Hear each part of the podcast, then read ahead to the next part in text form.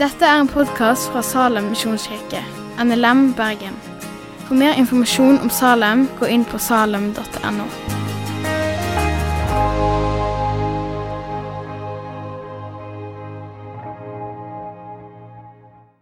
Når jeg kom til Bergen i 2017, så ble jeg invitert til sånn tapasselskaper.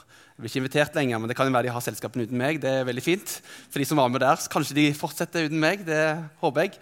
Eh, med tapasselskap, for deg som ikke har vært en del av et tapasselskap, så er konseptet at du, eh, du kommer, og så har folk en stor leilighet, gjerne, gjerne på høyden eller en annen plass.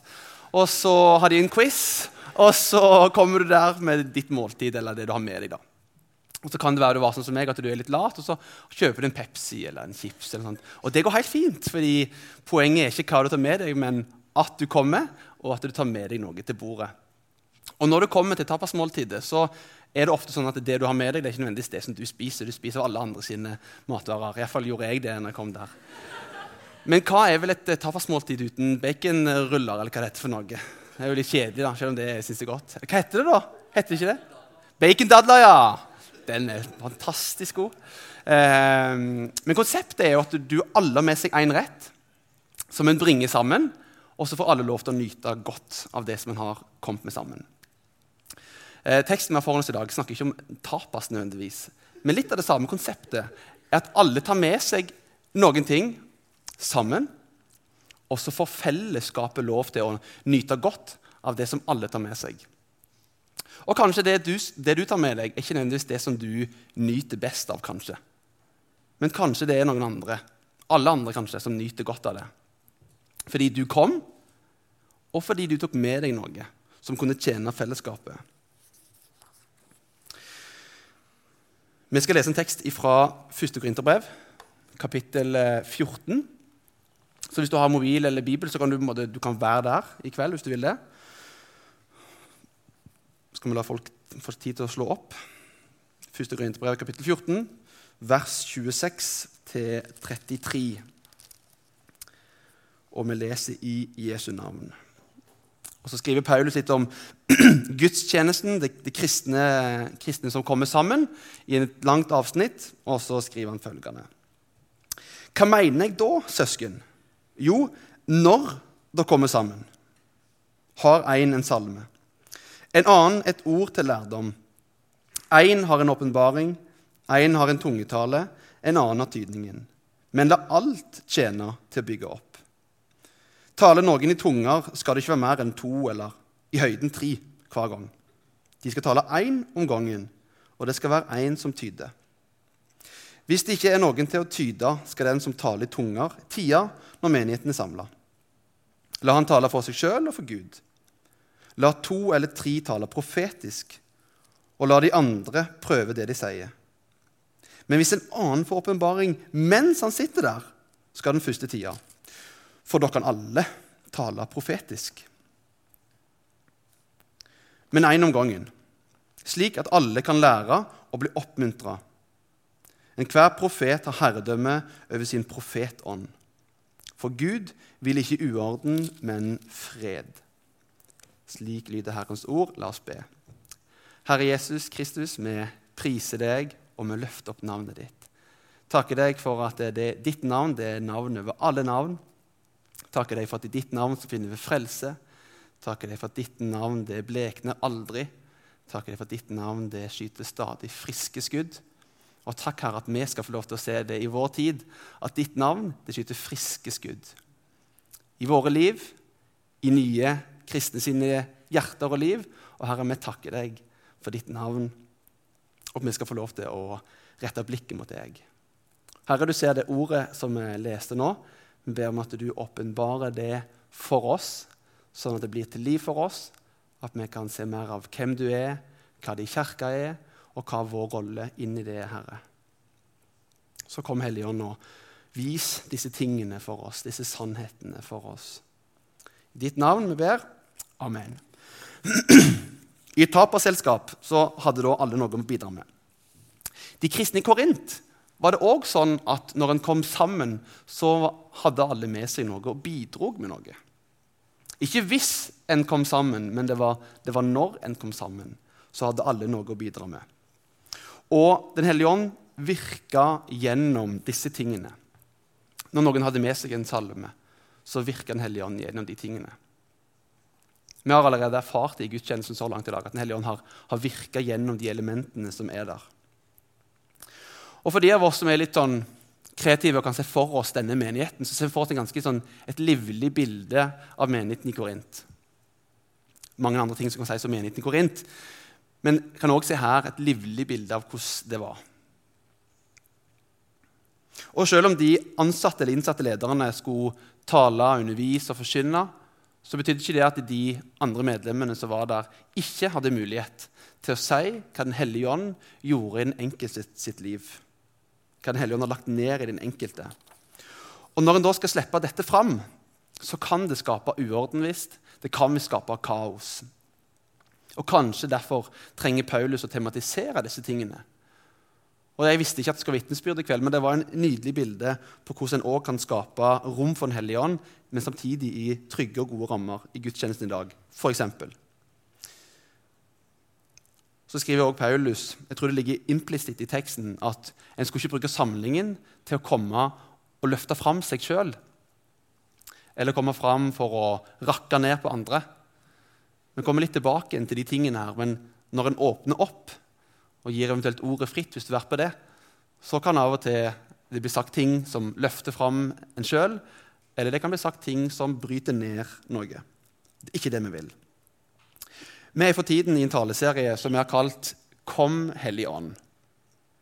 Det er en bønn, eller det er en lengsel. Det betyr ikke at det ikke er rom for Den hellige ånd i dag. Det betyr ikke at det ikke har vært rom for Den hellige ånd tidligere. Tvert imot. Men noen av oss har vært kristne i mange år oppvokst i et bedehuskultur kanskje, der det har vært lite snakk om Den hellige ånd. Vi sier det i trosbekjennelsen vår, men hva mer er det? Derfor ønsker vi å bruke fire helger på å gå litt inn i den materien. Og vi drømmer om åndsfylte og levende gudstjenester hvor vi får lov til å høre hva det Gud gjør i folk sine liv. Der vi tør å være litt smidige. At ikke det bare er et arrangement der vi bare ruller ned igjennom, der du vet akkurat hva som kommer til å skje. Fordi vi vet ikke hva Den hellige ånd vil til enhver tid. Så vi har en lengsel om å gi rom for Den hellige ånd, hans gjerning i oss og gjennom oss. Jeg håper at i løpet av en taleserie at du kan få lov til å se mer av hva Den hellige ånd gjør. Men Den hellige ånd skaper nytt liv. Den hellige ånd den utruster med nådegaver. Den hellige ånd overbeviser oss om synd, dom og rettferdighet. Den hellige ånd viser oss hvem Jesus er, skaper tro i hjertene våre og gir oss åndens frukter. Tålmodighet, fred, overbærenhet, kjærlighet osv. osv.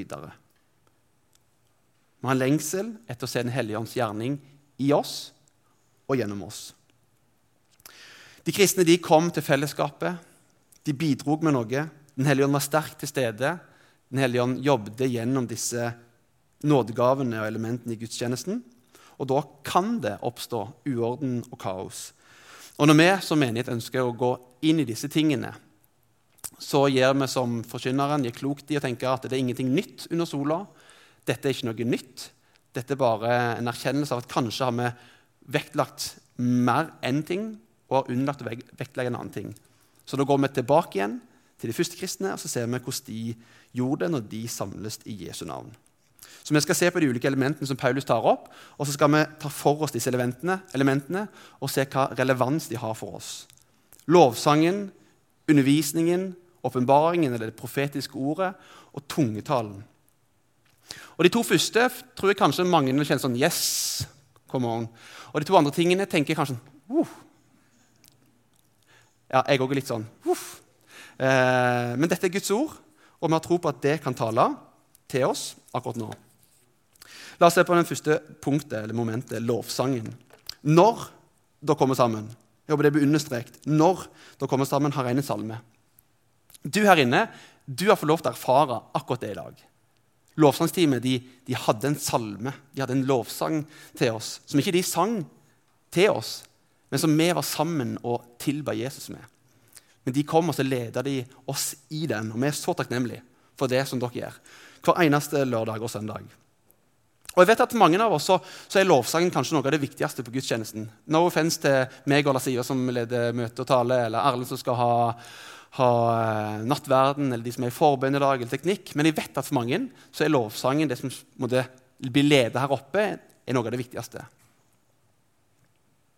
Og det er viktig. Og Når vi sier at vi ønsker å åpne for Den hellige ånd, så tror jeg at vi som menighet har kommet noen stykker på vei når det kommer til å la oss lede av Den hellige ånd i lovsangen og forkynnelsen. Men på hvilken måte? Når vi ønsker å åpne og skape større rom for Den hellige ånd. Fordi når lovsangsteamet skal lede oss i lovsang, så søker de gjerne Gud, og så ser de på tematikken, og så går de og tenker litt gjennom uka. Kanskje ikke alltid at de sier Gud, nå må du vise meg en konkret sang, men kanskje de går og tenker litt og ber litt mens de går, og så blir de minnet om ulike sanger som kan passe til tematikken. Og så kommer du kanskje, så kan gudstjenestene våre oppleves veldig sånn profesjonelle. veldig sånn sømløst. Altså, Vi er langt ifra så profesjonelle som Den hellige ånd viser oss av og til. Det er sånn utrolig rød tråd noen ganger som ikke kan beskrives. Og Det er Den hellige ånd som virker før vi kommer sammen i dag. Så jeg tror at Den hellige ånd kan inspirere og lede før en kommer sammen i dette med lovsangen. Men så har vi snakket litt om, og dette er jo litt nytt for oss, men vi tror også at Den hellige ånd kan lede i enda større grad underveis. Av og til så kan lovsangen bli en sånn post som bare skal måtte, igjennom, men tørre å være litt sånn smidige og ledige. Kanskje en skal tørre å være litt stille. Kanskje en kan tørre å synge en sang en gang til. Kanskje det går an å synge et ref ref refreng eller et vers en gang ekstra.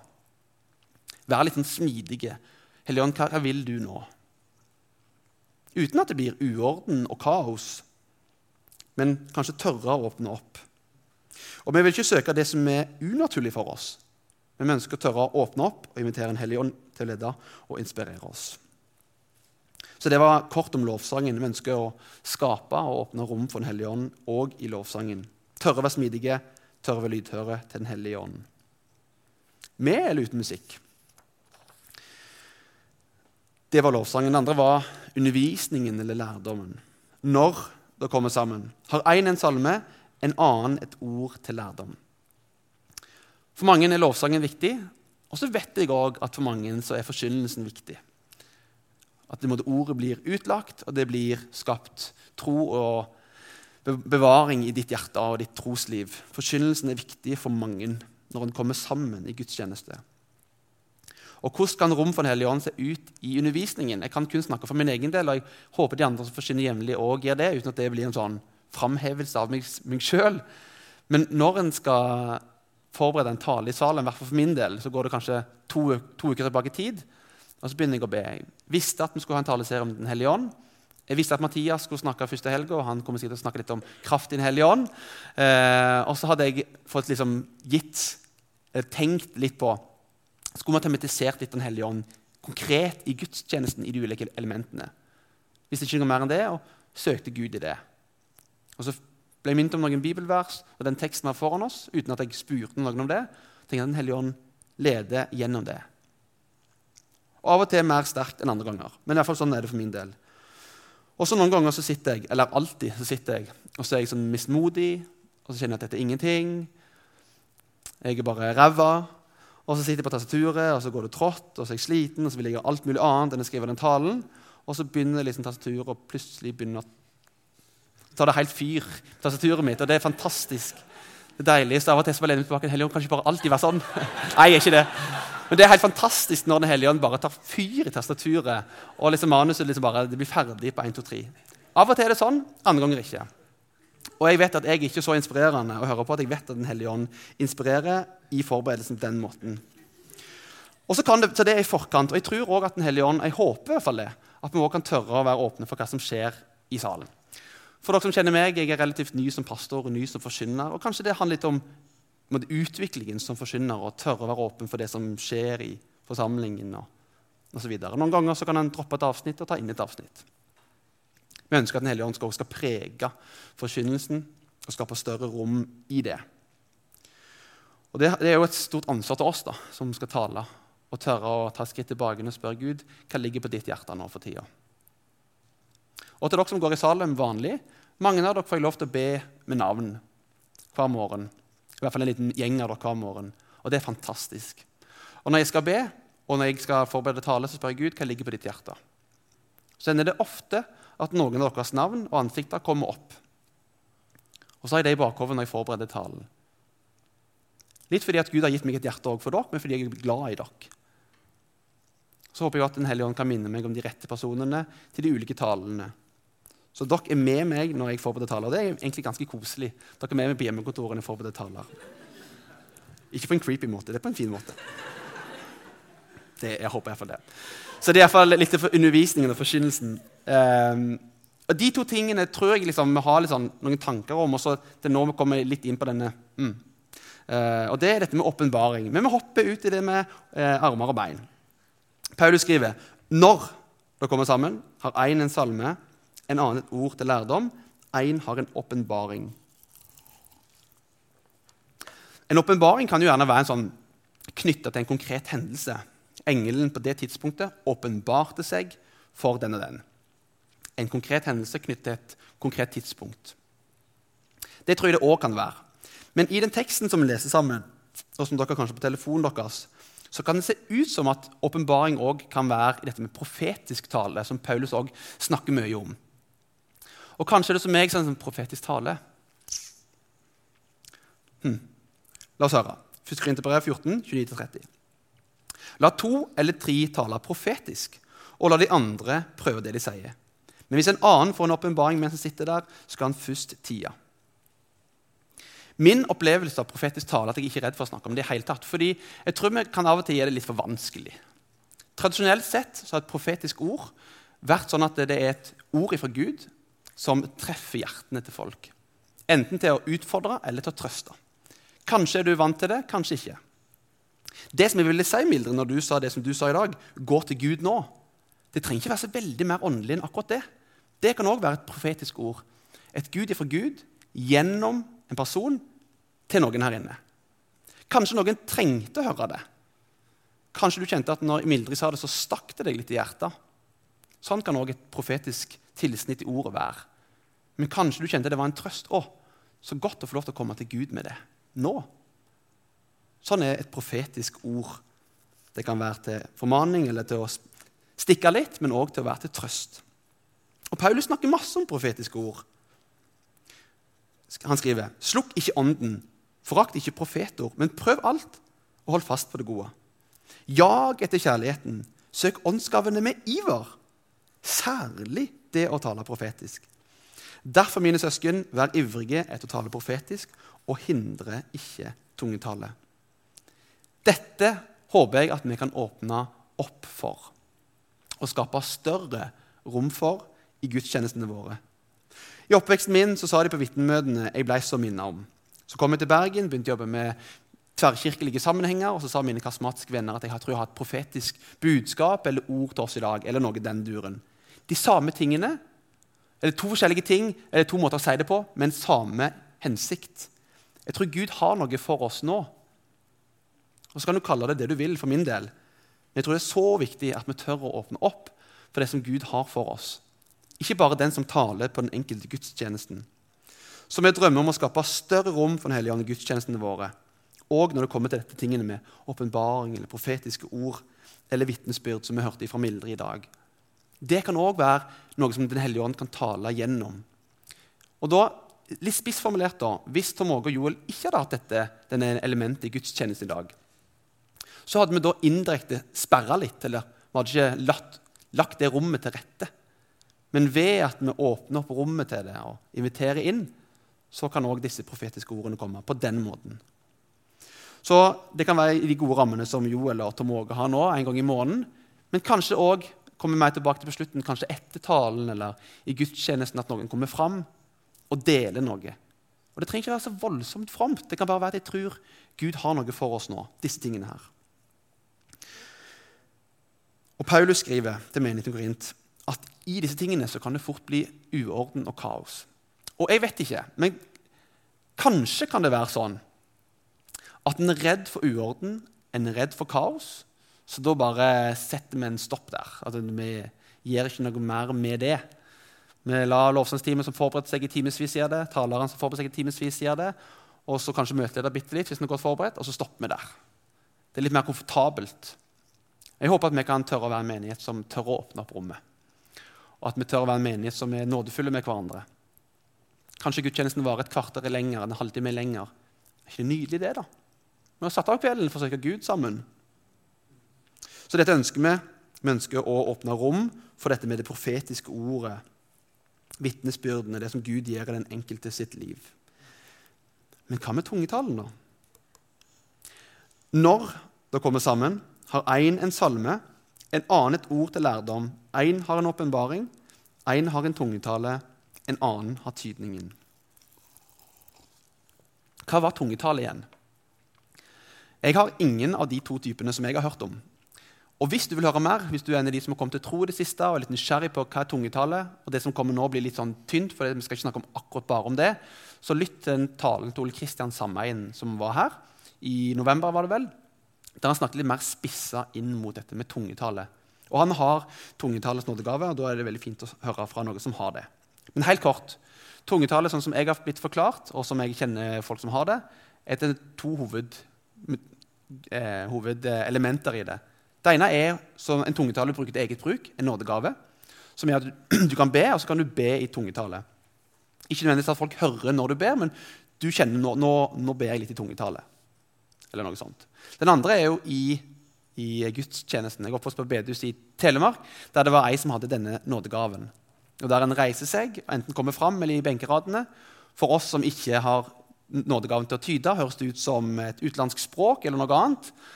Mens for den som har nådegaven til å tyde det, så høres det ut som et språk, det er på sitt eget språk. da.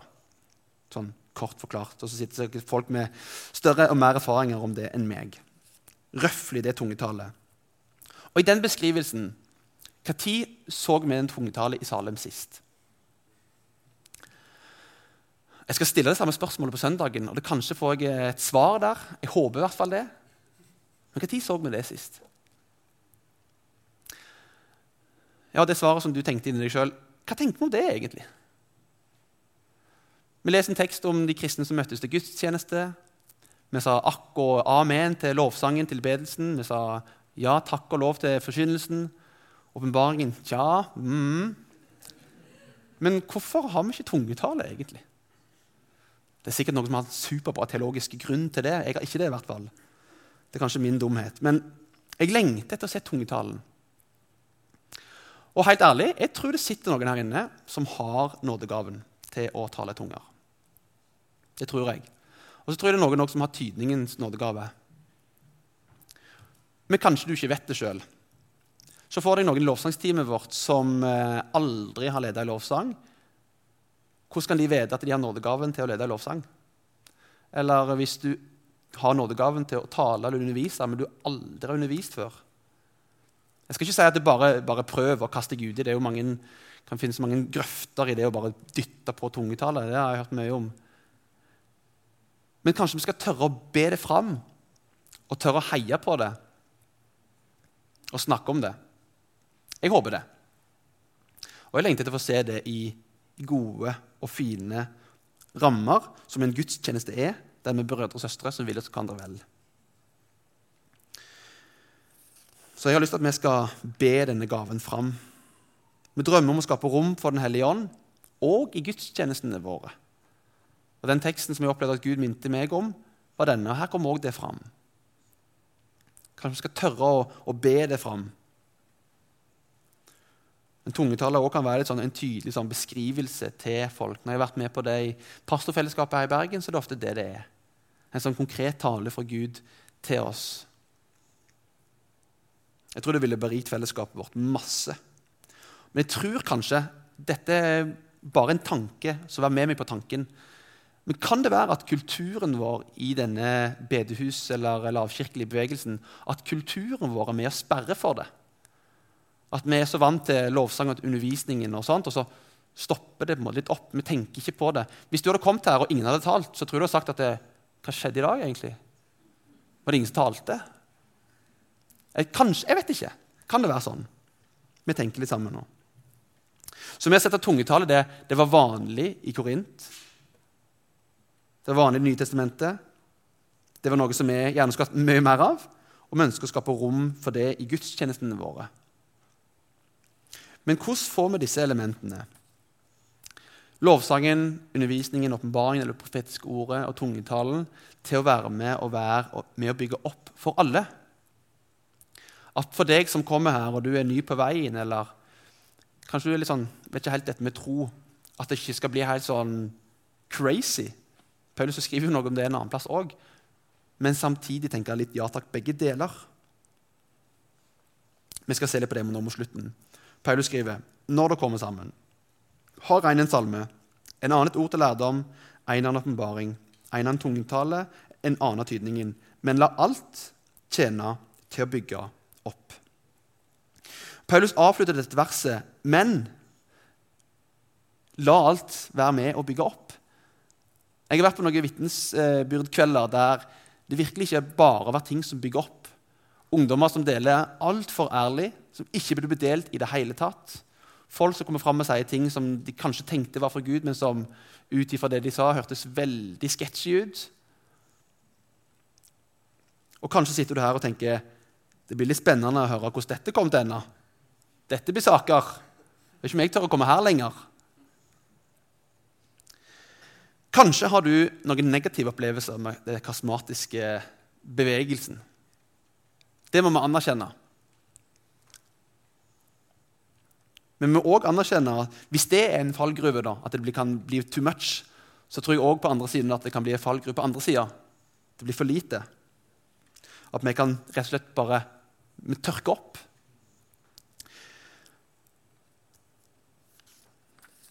Ok, Si det kommer en inn i fellesskapet her som ikke har en bra person med seg, og så har vi akkurat begynt å si yes, vi skal ha åpen for at uh, Helligånd skal tale og lede, og så kommer han fram, og så går han rett på talerstolen og sier noe, og så er det ødeleggende og destruktivt. Skaper masse støy. Kanskje det er det folk snakker om etterpå, i stedet for å tenke på det som vi har hørt i forkynnelsen av ordet, eller i tilbedelsen eller i nattverden. Det vil skape støy. Og Her blir jeg sånn type veldig ærlig med dere eh, resten av talen. Eh, og Det er litt sånn som jeg er, så det får dere bare tåle. Men hvordan skal vi forsikre oss da at vi ønsker å skape rom for Den hellige ånd, men samtidig unngå at ikke sånne ubehageligheter skjer? Når det er grønn hatt, det er bare skyt Nei. Jeg tror, ærlig, jeg tror at vi må tørre å åpne opp. da. Mer enn det vi gjør i dag. Tørre å være litt mer løsslupne på det som kommer fram, men la alt tjene til det gode. For det er faktisk ting som har kommet på denne plattformen som ikke har vært bra. Som ikke har vært med til å bygge opp, og som har bygd, eller måtte revet ting ned, og som har skapt støy i, eh, i gudstjenesten. På et tidspunkt i gamle Salem så måtte han stoppe vitnesbyrd. For det, hver eneste søndag så kom det noe fram, og det ble bare støy. Folk fokuserte bare på det og irriterte seg over det som ble sagt, i stedet for alt annet. Så vi må tørre å åpne opp, tørre å gi slipp, når vi nå skaper rom for Den hellige ånd eller større rom for Den hellige ånd. Men med rammer. Paulus avslutter avsnittet at Gud vil ikke uorden, men fred. Han er en ordens gud. Så hvis du kommer her, og det er bare kaos, og det er uorden, og det er Guds menighet, det er hans hus, og det er han som rår her, det er hans ånd som beveger seg, så er ikke det nødvendigvis at jeg er fra Gud. For Gud han ønsker orden Ok, La oss bli litt praktiske helt mot slutten her. Etter talen så drømmer vi om at du, hvis du opplever at Den hellige ånd minner deg om noe, at du kommer fram til den som leder møtet eller gudstjenesten eller taler eller andre lederskapet, og sier at opplever at Gud minner meg om dette. Hvis Mildrid i dag da ikke hadde hatt denne stolen, at kanskje Mildrid kunne gått fram og sagt at jeg opplever at Gud vil jeg skal si dette til gjengen i dag. Kan du gå opp, enten alene sammen med møteleder, si det, eller noe mer, og så gå ned igjen. På den måten så kan vi få større, en større rikdom i gudstjenesten vår. Og hvordan ordner vi at det blir orden, da? Tenk hvis det kommer 50 stykk fram. Det er ikke sikkert. Men hvis. Hvem skal sette grensa? Hvem skal si at vi stopper på 48 i dag? Kom tilbake neste helg. Det her jeg blir sånn type veldig ærlig. da. Det vi har tenkt da, Dette er litt vanskelig, og vi har ikke et klart svar så ha nåde med oss når vi kommer til å gjøre feil, som vi allerede har gjort. og sikkert kommer til å gjøre i fremtiden. Men vi har tenkt da, at møteleder og den som er i lederskapet, må ta en avgjørelse for hva tid vi setter grenser. Og hvis det kommer et budskap som vi er litt usikre på, Kanskje vi skal tillate oss at noen ganger så sier vi ja, andre ganger nei. Kanskje. Men jeg håper at vi tør å åpne opp litt mer enn det vi lukker. For jeg tror at hvis vi har nåde med møtelederne våre og lederskapet vårt om at noen ganger så slipper vi opp ting som vi kanskje burde ha stoppet, men tenker ja, ja, men vi må tørre det òg. Men så tror jeg òg en annen fallgrue er at vi, vi, stopper ting som burde kommet opp. Ja, Det er to ting som vi må ha med oss i hodet når vi er i disse tingene. Så vi vil bygge en kultur i Salem der det er åpent for å komme fram etter talen i lovsangsbolken, eller i de rammene som Joel og Tom Åge har, der han får snakket litt mer og tenkt igjennom ting på forhånd. Og Det er en vitnesbyrdene. Hva har Gud gjort det siste året? på en måte. Ikke bare én gang innimellom, men regelmessig fast. Det drømmer om.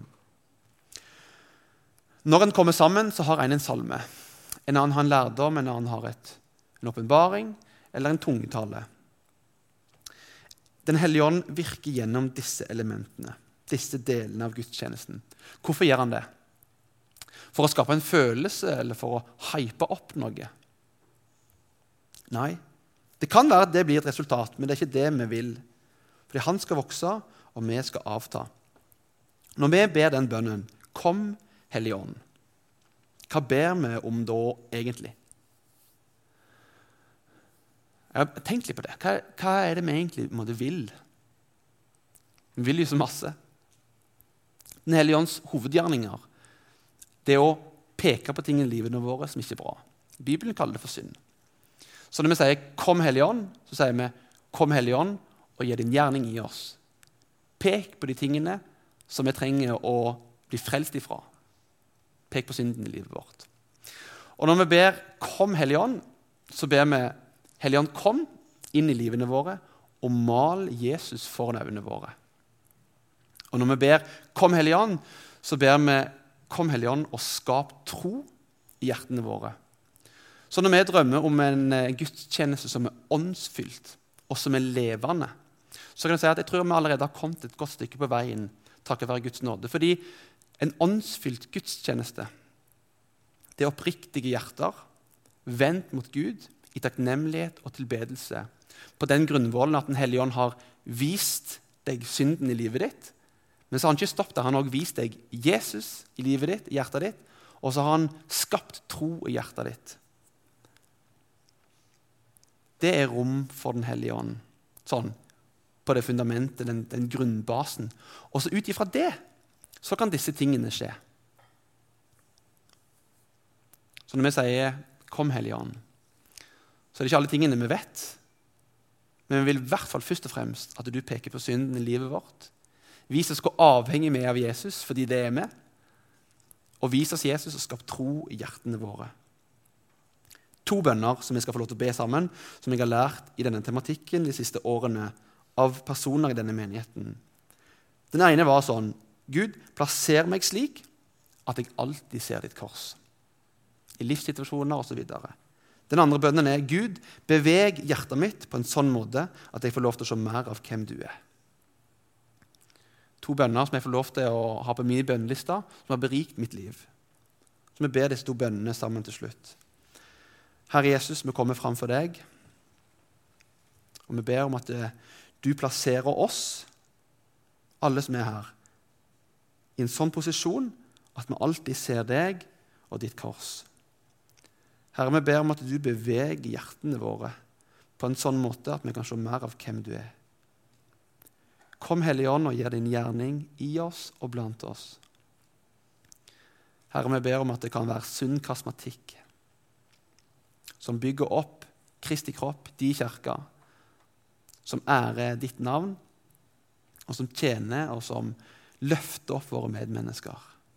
Så kom Hellige Ånd og ta bolig i våre hjerter i vår gudstjeneste og i menighet. Takk for at du har hørt på podkasten fra Salem, Bergen. I Salem vil vi vinne, bevare, utruste og sende, til Guds ære. Vi ønsker å se mennesker finne fellesskap, møte Jesus og bli disippelgjort her i Bergen og i resten av verden. Vil du vite mer om oss, gå inn på salem.no.